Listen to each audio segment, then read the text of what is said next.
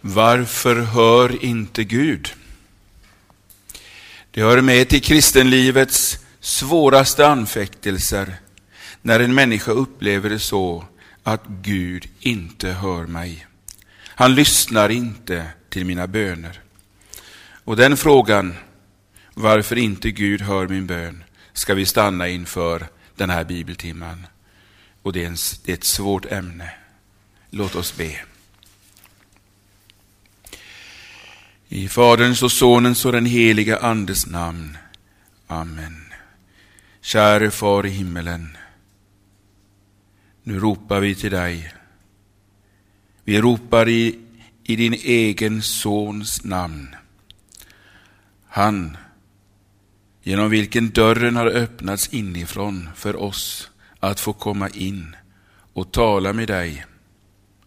Och nu ber vi dig att du talar med oss, att du hjälper oss och att du hjälper mig att tala om det som du vill ha sagt idag. Vi ber att du för Jesus skull utgjuter din heliga Ande över oss var och en. Herre, låt ditt ord få komma till oss och låt oss få se en skymt av dina tankar. Vi ber dig, inled oss inte i frestelsen, frestelsen att misströsta, frestelsen att förlora tron på dig. Ja, vi ber dig att du befriar oss och räddar oss ifrån den onde. Han vars pilar blir till anfäktelser i mörkret. Vi ber dig, kom med ditt himmelska ljus genom din ande till oss i våra hjärtan. Detta ber vi nu om i hans namn som du har skänkt åt oss. Han vars blod stryker ut alla våra synder. Amen. Varför hör inte Gud? När vi nu ska ta oss an den frågan så tänkte jag att vi ska få börja med två bibelavsnitt. Och vi har fått höra ifrån Salmernas bok om att, att leva i och bedja saltaren. Och vi ska läsa saltaren 28, eller salmen 28.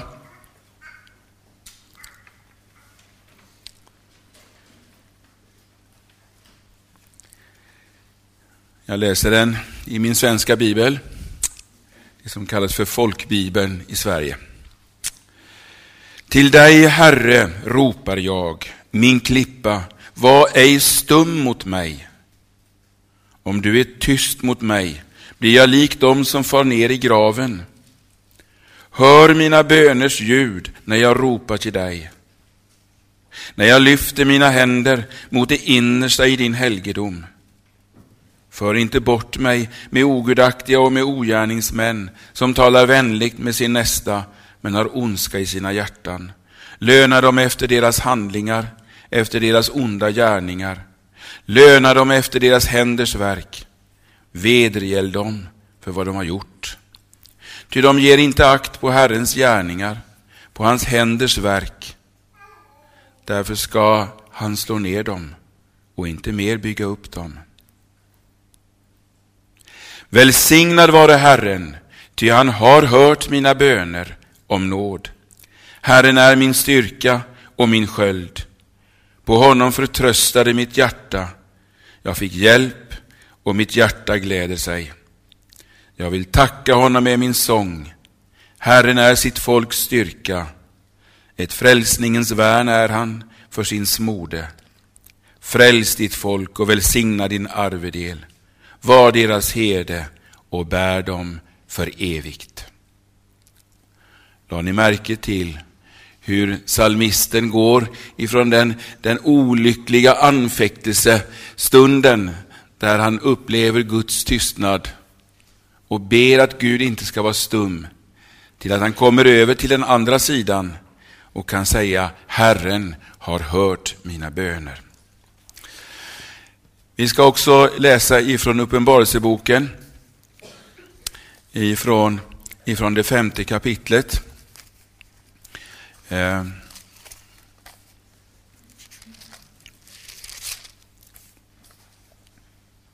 jag läser verserna 6 till 8 i kapitel 5.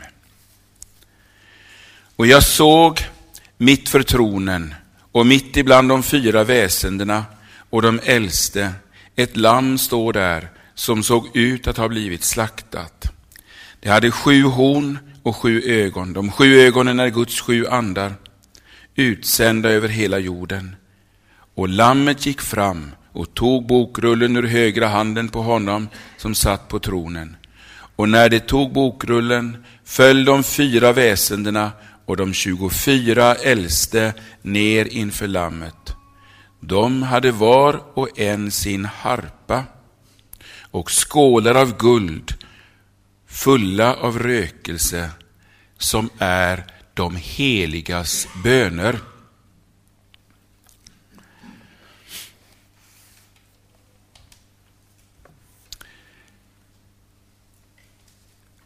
Det är en rad av Saltarens salmer som ger uttryck för den ångest som gömmer sig i det ordet. Till dig, Herre, ropar jag, min klippa, var inte stum mot mig. Om du är tyst mot mig blir jag lik dem som far ner i graven. Hör mina böners ljud. Den som har smakat och sett att Herren är god. Om det då är min upplevelse att Gud inte hör min bön, inte lyssnar och svarar mig, ja, det blir ett stort mörker, en djup anfäktelse. Antingen det nu handlar om mig själv, och det är en bön för mig själv, eller för någon av dem som står mig nära. Det är i denna, denna nöd som David ropar på Herren och ber att han inte ska vara tyst. Och så hör vi alltså i salmen hur han blir förd från mörkret till ljus och kan säga lovad är Herren, för han har hört mina böner om nåd. Ja, det finns en hemlighet som ligger gömd i Davids fortsättning. När han säger, hör min bön om råd, om nåd, när jag ropar till dig, när jag lyfter mina händer mot det allra heligaste i din helgedom. Mot det allra heligaste i din helgedom, i ditt tempel. Det allra heligaste i Herrens tempel, vad är det? Det är platsen för arken och för nådastolen säger vi på svenska, eller nådetronen tror jag ni säger. Stämmer det? Eh, och vi har blivit påminda om det här ett par gånger redan under denna, denna eh, helgen. Att i Jesu dödsögonblick så brast förlåten eller förhänget mellan det heliga och det allra heligaste och vägen dit in blev öppen.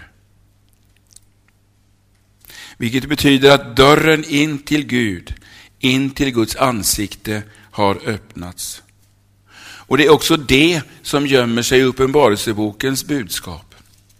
Där läste vi bland annat om de 24 äldste som, som stod där eller satt på troner runt omkring lammet. Och så står det om att när bokrullen, eh, när, när lammet tog bokrullen Eh, så föll de ner för Guds tron, för Guds son. Och de hade harpor i sina händer, ett uttryck för lovsång. Och de hade guldskålar i sina händer, skålar som är fulla av rökelse, om vilka det sägs att det är rökelsen av de heligas böner. Låt oss lägga märke till det här sista, om de heligas böner symboliserade av rökelse i de äldstes händer. De äldste, vilka var de? Ja, man kan tänka i alla fall så här att de 24 äldste representerar det som var de 20, de, eh, ordningen i, i eh, det gamla templet. Det fanns 24 prästavdelningar som leddes av var sin äldste. Och att nu finns de samlade kring Lammets tron. Och de finns där som representanter för alla de andra som tillhör inte det gamla prästerskapet, utan som representanter för det nya prästerskapet. Gud han har i Kristus gjort oss till ett konungsligt prästerskap. Och de 24 äldste representerar hela den Guds församling som består av, de, av alla dessa som hör till det konungsliga prästerskapet. Vid den stora lövhyddehögtiden var i Jerusalems tempel alla de 24 prästavdelningarna representerade.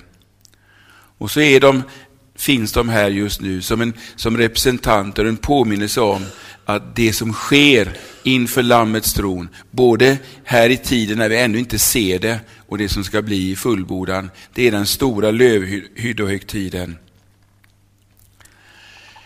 Johannes skrev i början av sitt, sitt eh, eh uppenbarelseboken i hälsningen, han som älskar oss och har friköpt oss från våra synder med sitt blod. Och så kommer det, han har gjort oss till ett konungadöme, till präster åt sin Gud och fader. Oss, vi. Ett kungadöme, ett kungarike, ett präster, ett konungsligt prästerskap. Det hänger ju samman med också vad aposteln Petrus skriver i sitt andra kapitel. Och detta att vi är ett konungsligt prästerskap, det betyder vi har fått rätten att gå inför Guds ansikte och kalla Gud för far, som vi också har talat om förut igår. Men vi har fått rätten att komma dit in. Det är detta som nu detta konungsliga prästerskaps ledare som de representerar när de kommer med sina guldskålar med rökelse. Det är de heligas böner och som är i åminnelse inför Gud. Vilket betyder att inga böner från Guds barn, Guds heliga, glöms i himlen. Om vi kunde få in detta in i våra hjärtan så skulle vi ha mycket tröst och ett förnyat förtroende till honom eh, som David bad till och som så jublande kunde säga Lova dig Herren, för han har hört mina böner om nåd. Men en sak är att veta detta och hålla fast vid det. Och en annan sak när man får uppleva någonting annat. Jag upplever att Gud inte hör. Det var en i Göteborg som fick höra talas om att jag skulle ha det här ämnet. Varför hör inte Gud? Eh, och så sa han, men den frågan är ju fel ställd. Varför hör inte Gud? Eh, varför hör inte Gud när jag ber? Ja, han menade att frågan var fel ställd. Därför att Gud hör ju. Men om det kan vi nu säga att han har både rätt och fel. För just det kan vara den verkliga upplevelsen, att Gud hör inte det jag ber om. Det finns många anfäktelser för en kristen. En kristen som kämpar trons kamp. Och det finns många mörker man kan komma in i. Och ett sådant mörker är just den upplevelsen. Varför hör inte Gud? I anfäktelsens mörker kommer de flesta in. Mer eller mindre. In i anfäktelse, också denna. Varför hör inte Gud?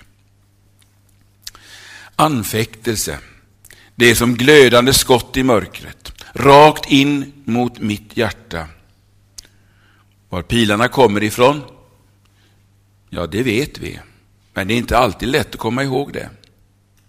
Pilarna som kommer i mörkret, som skjuts i mörkret in mot mitt hjärta, de kommer från den onde.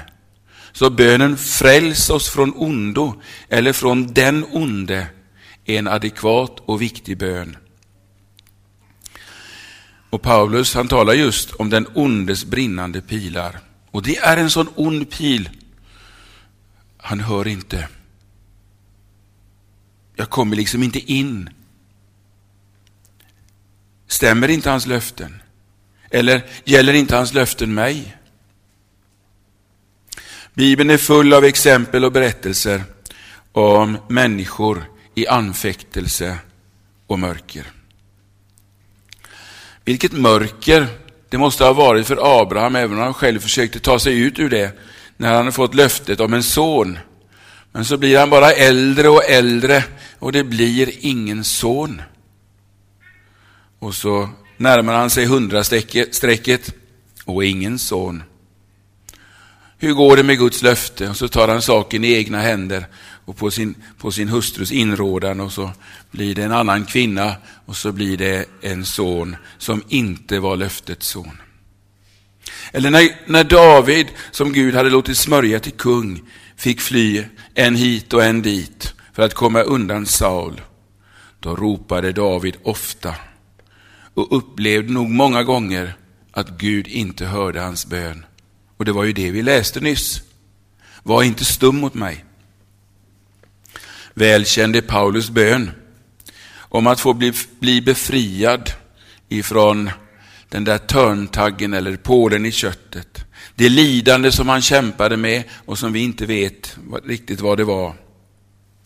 Tre gånger hade Gud fått höra hans bön. Han hade gått in i bönekamp för saken och bett Herren att befria honom. Men han fick inte det svar han ville ha.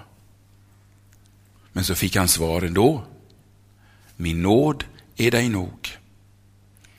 Kraften fullkomnas i svaghet.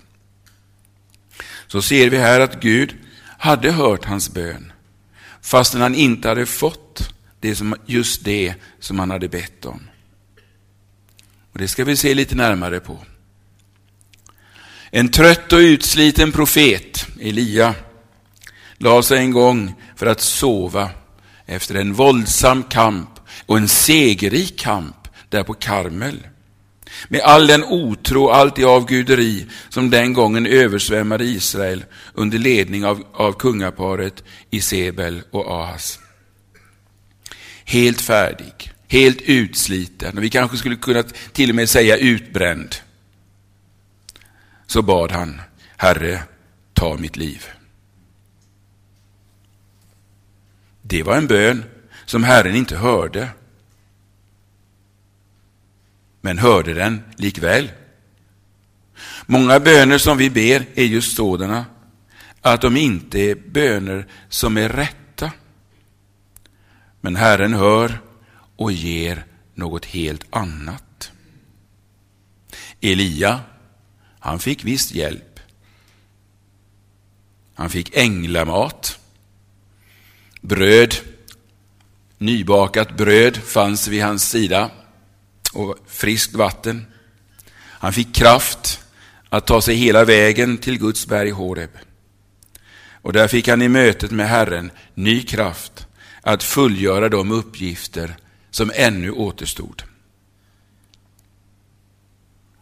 Vi förflyttar oss i tanken till stranden av Genesarets sjö många hundra år senare synagogföreståndaren Jairus.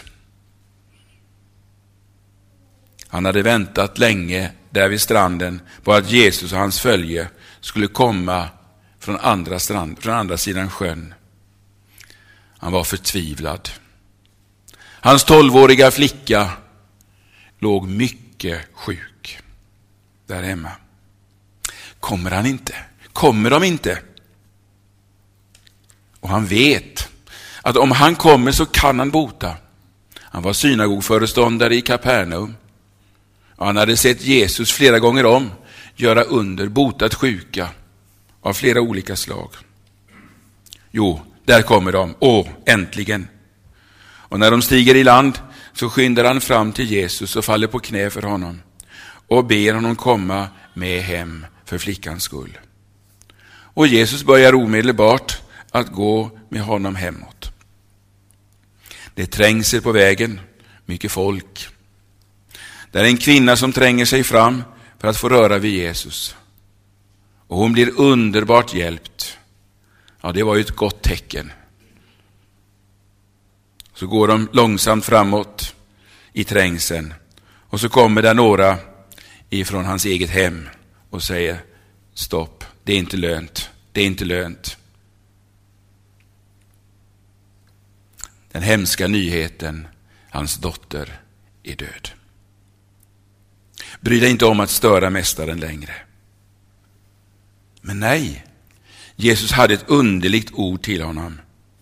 Var inte rädd, tro endast. Och Jesus tog med sig tre av sina lärjungar, förutom Jairus och hans fru. Och så vet vi hur Jairus anfäktelse, den måste ha varit djup där under en stund på vägen. Det byttes i en förunderlig glädje. Han fick inte först vad han bad om, men han fick någonting som var mycket bättre. Han fick se något som var mycket starkare. Han fick se Guds rikes krafter välla in över hans egen dotter. Från död till liv.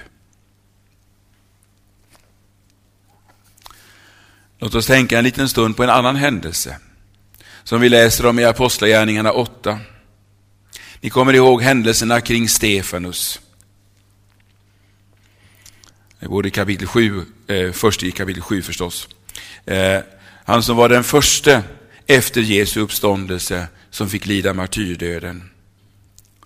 Vi kan tänka att när Stefanus blev fängslad eller tagen inför Stora rådet så gick det som en löpeld bland de, bland de kristna församlingarna i Jerusalem att Stefanus, som var en mycket betrodd man vid det här laget, mycket anser de, eh, det var ett djupt, ett stort förtroende för Stefanus.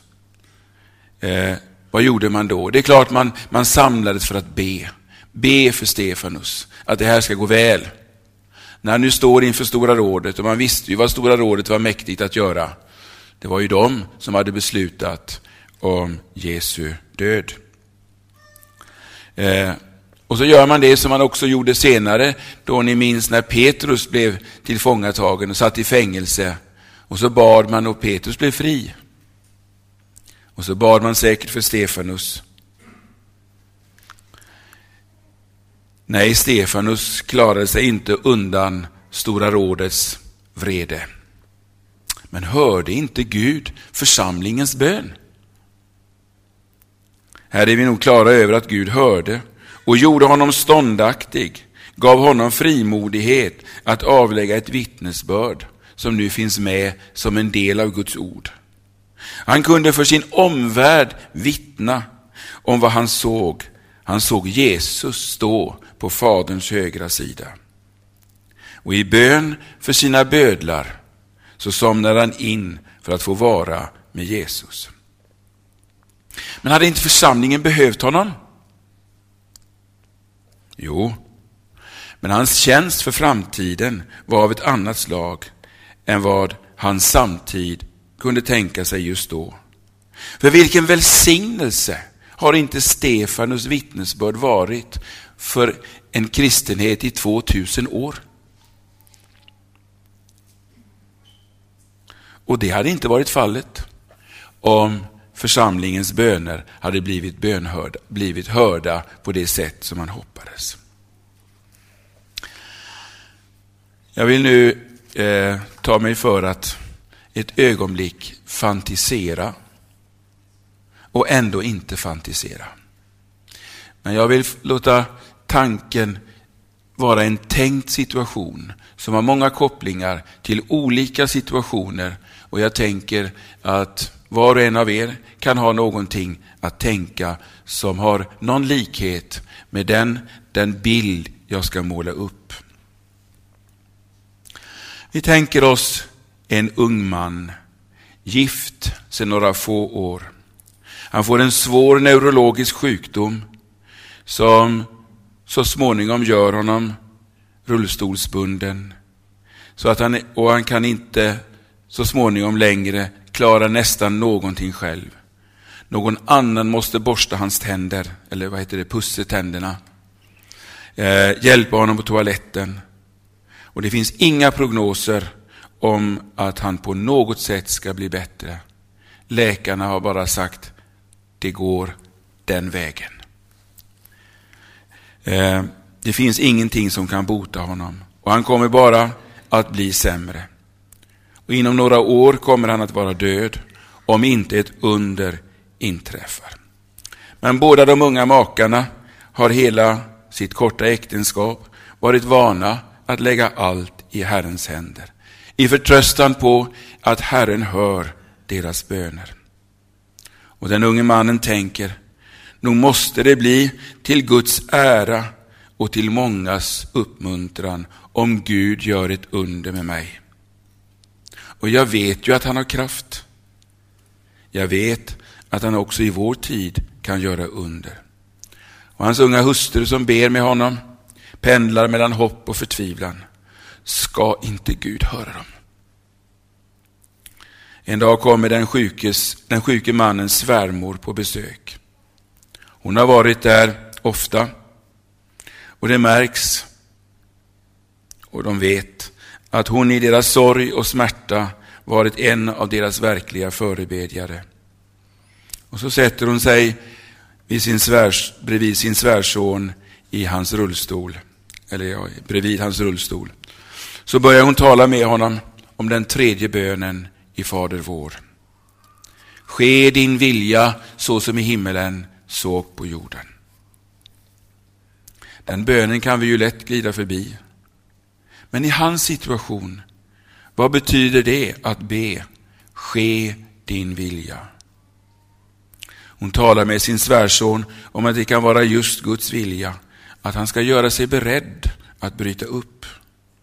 Och hon låter honom förstå att det kan vara ett större vittnesbörd för hans omgivning, att den får se honom bevarad i tro hela vägen fram tills Herren tar honom in till sig i himlen. Och så händer det förunderliga att den unge sjuke mannen kommer till ro i sin ångest. Han börjar på nytt, på ett nytt sätt, att göra sig redo för uppbrott. Och vänner som kommer på besök, för de har många vänner, får möta ett vittnesbörd om den förväntan han har. Om vissheten att Jesus har förlåtit honom alla synder. Och så kanske det får vara, bli så att hans hustru inte glömmer den sista gången församlingens pastor var på besök och de firade nattvard. När han knappt kunde röra någonting, knappt kunde ta emot sakramentet. Men det fick röra vid hans läppar som kunde formas ändå till ett amen. Knappt, men hans ögon lyste av glädje. Den unga kvinnan som så mycket hade bett för sin sjuke make hade Herren hört hennes bön? Jo, det visste hon. Han hade verkligen hört, fastän, in, fastän inte på det sätt som hon hade önskat. Men också hon kunde säga, Fader, min fader, ske din vilja. Hon visste att Herren hade andra tankar för hennes sjuke, älskade make. Herren hör inte alltid våra böner på det sätt vi skulle önska, men han hör. Det var det som salmisten uttryckte så tydligt. Lova dig Herren, för han har hört mina böner om nåd. Låt oss nu gå ut med Jesus till Getsemane. Samma lärjungar som hade fått följa med in i Jairus hus när den tolvåriga flickan väcktes i liv och som också hade fått vara med honom uppe på det stora eller heliga berget vid förklaringen, det som vi ska läsa om imorgon. De fick följa med honom lite längre in i trädgården så att de kunde höra vad Herren bad. Och så fick de se en skymt av den ohyggliga ångest, ångestkamp han kom i när hans ansiktes svett förvandlades till blod. Herre, om det är möjligt, så låt denna bägare gå ifrån mig. Dock inte som jag vill, utan som du vill. Hörde fadern honom? Jo, men inte som sonen i sin egen känsla just då önskade. Men hans vilja var helt överlämnad i Faderns. Fadern hörde sin sons bönerop.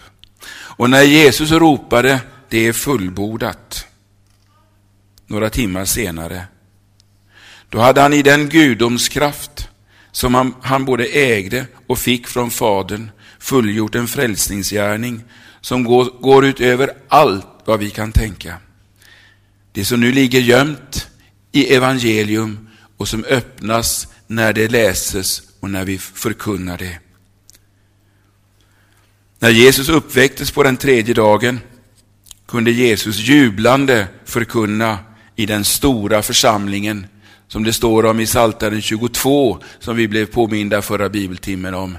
Där det står, där just den salmen går ju från stor ångest till en, en väldig lovsång i den andra halvan och som är Kristi lovsång som uppstånden. Nu, för nu låg det en frälsning färdig för alla människor. Varför hör Gud inte? Jo, nog hör Gud. Min himmelske far, han hör. Men han bönhör inte alltid just som vi vill. Men, och nu kommer ett viktigt men. Det finns en bön som han alltid hör, omedelbart. Och det är bönen om nåd och bönen om förlåtelse för våra synder. Med det svaret, även om jag inte skulle höra det med en gång, så är det svaret omedelbart. Dina synder är dig förlåtna. Det är Bibelns samlade budskap till den som ber om förlåtelse för sina synder. Och Gud har gjort flera olika ordningar till reds för oss, för hur detta ska nå fram till oss, till dem som ropar om hjälp. Han har upprättat sin församling på jorden för att i och genom den om och om igen försäkra dina synder är förlåtna, gå i frid. En frid med Gud, samvetsfrid, med en frimodighet inför domens dag. Och här i församlingens mitt tar han upp oss och sina barn i dopet, införlivar oss i nådens rike. Och här kan förlåtelsen tillsägas både offentligt härifrån och i den, i den enskilda kammaren. Eller när min hustru påminner mig om Bengt, det står skrivet, Jesu Guds sons blod renar från all synd. Och så kommer vi där vid nattvardsbordet som vi ska få lov att fira här imorgon. Och när de brödet och när vinet det rör vid våra läppar så är det på samma sätt som när Jesaja i templet får höra serafen med det glödande kolet som rör vid läpparna. När detta har rört vid dina läppar har din missgärning tagits ifrån dig. Och så får vi gå ut renade inför Gud. Men låt oss vända tillbaka till frågan. Men varför hör inte Gud? Det hänger ofta ihop med frågan om varför man måste vara i och drabbats av en, en sådan prövande händelse, en sjukdom, depression, utbrändhet. Man har liksom gått i väggen. Så kan vi komma i ett djupt mörker. Och Den som har varit där vet vad jag talar om. Kung Hiskia fick uppleva mycket svåra ting. Bland annat fick han uppleva belägringen av Jerusalem. Och det var, en, det var egentligen det var precis på randen till en katastrof. Men Hiskia, i gemenskap med, med profeten Jesaja, får uppleva hur Gud hör. Han fick uppleva sin egen sjukdom. Han kan senare säga, se den bittra plågan blev till nytta för mig. I din kärlek räddade du mig, förlåt, räddade du min själ från förintelsens grop, för du har kastat alla mina synder bakom din rygg. Det står så i Jesaja 38 och 17. Det har för mig i en mycket, mycket djup dal varit det riktiga ord jag fick gripa om. Se den bittra plågan, eller se det som var så bittert för mig, blev till nytta för mig. I din kärlek räddade du min själ från förintelsens grop, för du har kastat alla mina synder bakom din rygg. Om vi nu här bortser från en del av det som Hiskia gjorde senare, så kan vi lägga, lägga märke till de här märkliga orden. Detta bittra, det som blev så bittert för mig, det har blivit till nytta. Det låg en räddning gömd i det svåra. Det hjälpte mig, det bevarade mig, för att jag inte skulle drabbas av förtappelsens kusliga möjlighet. Och så säger Hiskia det som är så avgörande. För du har kastat alla mina synder bakom din rygg. När jag har alla mina synder förlåtna, då kan det inte gå fel. Då sköter Gud och leder han så att allt samverkar till det bästa. Och det bästa vet han själv bäst vad det är. Och hans mål är alltid det eviga livet. Låt oss nu vända tillbaka återigen till anfäktelsens mörker. Där det inom mig ropar ett varför till Gud. Varför hör du mig inte? Kära medkristna, jag vill peka på till sist här på fyra saker som är med till anfäktelsens mörker och som kan hjälpa oss ut i ljuset. För det första, vi glömmer så lätt korset. Jag menar, det kors som Jesus talar om när han säger ta på er mitt kors och följ mig. Det hör med till lärjungaskapets villkor att vi får bära någon liten del av det stora korset. Den enes kan få en lite tyngre, ett tyngre kors och någon annan kanske något lättare. Men för den som får det lättare korset så var det kanske tyngre än det tunga korset för den som fick det tyngre. Men ingen av oss går fri. Och den som inte vill ta sitt kors på sig, han är mig inte värdig, säger Jesus. Vi lever inte i paradiset. Det blir aldrig något paradis på jorden. Det finns i Nya Testamentet ett underbart löfte om paradis. Kommer ni ihåg?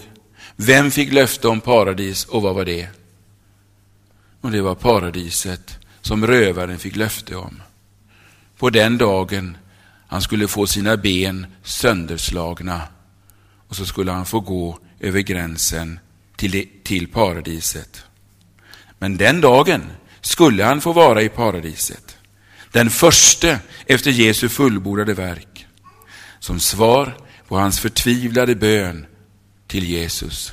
Jesus, tänk på mig när du kommer i ditt rike. Och då var han där nere vid den nollpunkt där han visste det finns inget hopp i denna världen.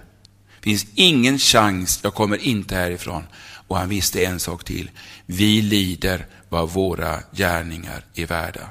Och så säger han, Jesus tänk på mig. Idag ska du vara med mig i paradiset, är svaret. För det andra, här på jorden hör det med till villkoren i Guds församling.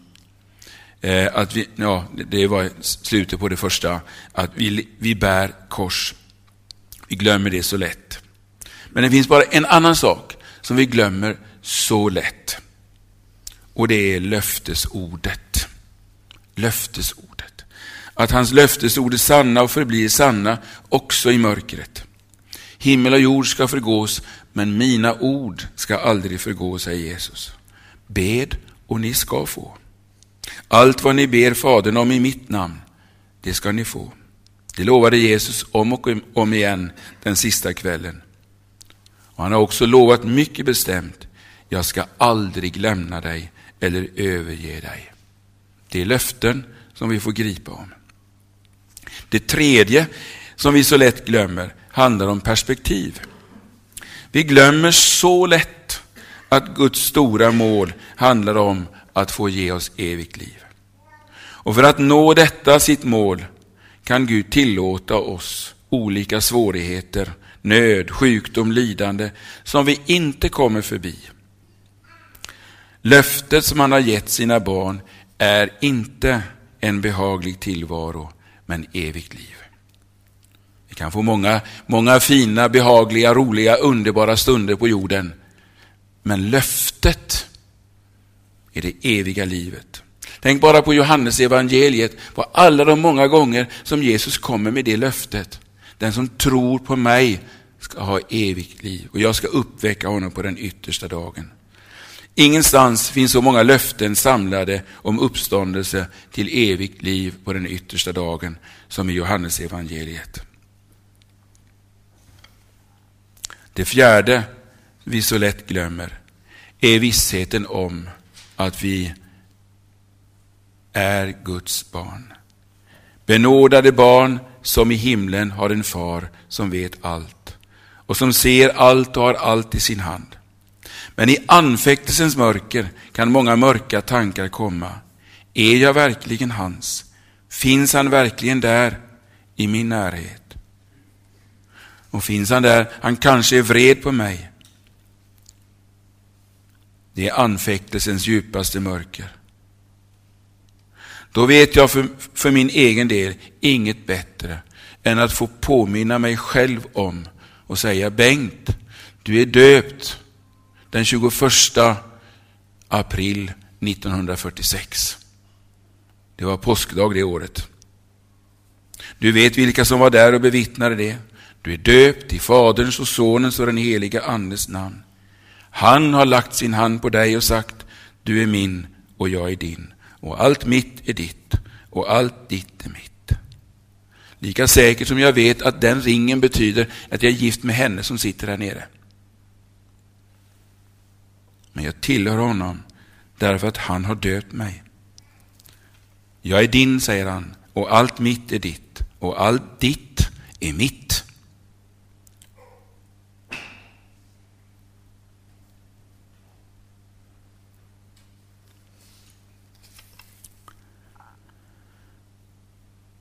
För hans skull får jag säga, Guds barn jag är. Hur det än ser ut, hur det än är, Guds barn jag är. Och så kommer stunden när jag kan göra salmistens ord till mina egna. Saltaren 40. Jag väntade och väntade på Herren och han böjde sig till mig och hörde mitt, rok, mitt rop. Han drog mig upp ur fördärvets grop, upp ur den djupa dyn. Han ställde mina fötter på klippan och gjorde mina steg fasta. Han lade i min mun en ny sång, en lovsång till vår Gud. När jag lägger min hand i hans hand och säger Herre, jag är din, gör med mig som du vill, så kan stillheten och friden komma in i min själ. Och jag kan säga med David, efter hans egendomliga liksom skådespel inför Ahimelek, eller Abimelek, det som är bakgrunden till salmen där vi började. Herren betryckt som ropade och Herren hörde honom. Han räddade honom ur all hans nöd. Herrens ängel slår sitt läger omkring dem som fruktar honom. Nu blandade jag, ja det var inte den vi började med, men så står det. Så låt oss nu vända tillbaka där vi började, inför tronen i himlen och de äldstes guldskålar som är fulla med rökelse, de heligas böner. De heligas böner, de heliga det är du som lever under syndernas förlåtelse i Jesu namn och blod. De heligas böner finns alltid kvar inför Guds ansikte. Tills de går i uppfyllelse förr eller senare på det ena eller på det andra sättet. För Herren hör sina barns böner. Därför kan man säga att frågan är felställd. Varför hör inte Gud? Jo, Gud hör. Han hör alltid sina barns böner. Men han ger inte allt det vi skulle vilja. Men han ger det som vi vill eller det som är bättre. Alltid. Finns det något tillfälle då Gud inte hör min bön? Jo, det gör det. Vi kan inte lämna det här, perspektiv, det här ämnet utan att lyfta något, några få perspektiv på det. Eller egentligen ett perspektiv. I Jakobs brev läser vi så här i kapitel 4. Varifrån kommer alla strider och konflikter bland er? Kommer de inte från begären som kämpar i era kroppar? Ni vill ha, men får inget. Ni mördar och avundas, men vinner inget. Ni kämpar och strider, men har inget, därför att ni inte ber. Ni ber, men får inget, därför att ni ber illa, för att slösa bort det på era njutningar. Ni otrogna, vet ni inte att vänskap med världen är fiendskap mot Gud? Den som vill vara vän med världen blir fiende till Gud. Här talas om bön och en bön som Gud inte besvarar. Dels säger Jakob att de inte ber, för deras bön är inte bön. Han säger att de ber illa, därför att de ber för att få leva gott i världen, leva i vänskap med världen. De har det inte rätt ställt med Gud. De har inte sin sak med Gud i ordning. Och den som har det så ska inte vänta att han, inte får, att han får det han ber om. Löftena om bönhörelse är givna till dem som lever med Jesus och har sina synder förlåtna i hans namn och i hans efterföljd för att göra hans vilja. Den som har ouppklarade förhållanden med sin nästa, i församlingen, i familjen, bland grannar eller var som helst, ska inte räkna med bönhörelse. Allt det goda som han lovat har han lovat åt dem som vänder om från sina synder, in under hans nåds vingar. Den som vill vara vän med världen eller kompromissar om sanningen, Guds ords sanning, om det ena eller andra slaget, allt det som nu finns i denna världen och som vårt samhälle tränger på med kring frågan om det ofödda barnet, om äktenskapets helighet, eller i kyrkan med den frågan om den dubbla utgången och så vidare, ska inte vänta att få bönhörelse, vare sig i tiden eller i evigheten. Och det är i detta sammanhang som Herrens broder Jakob säger de allvarsamma, allvarsamma orden, vet ni inte att vänskap med världen är fiendskap mot Gud. Och han säger, ni ber illa.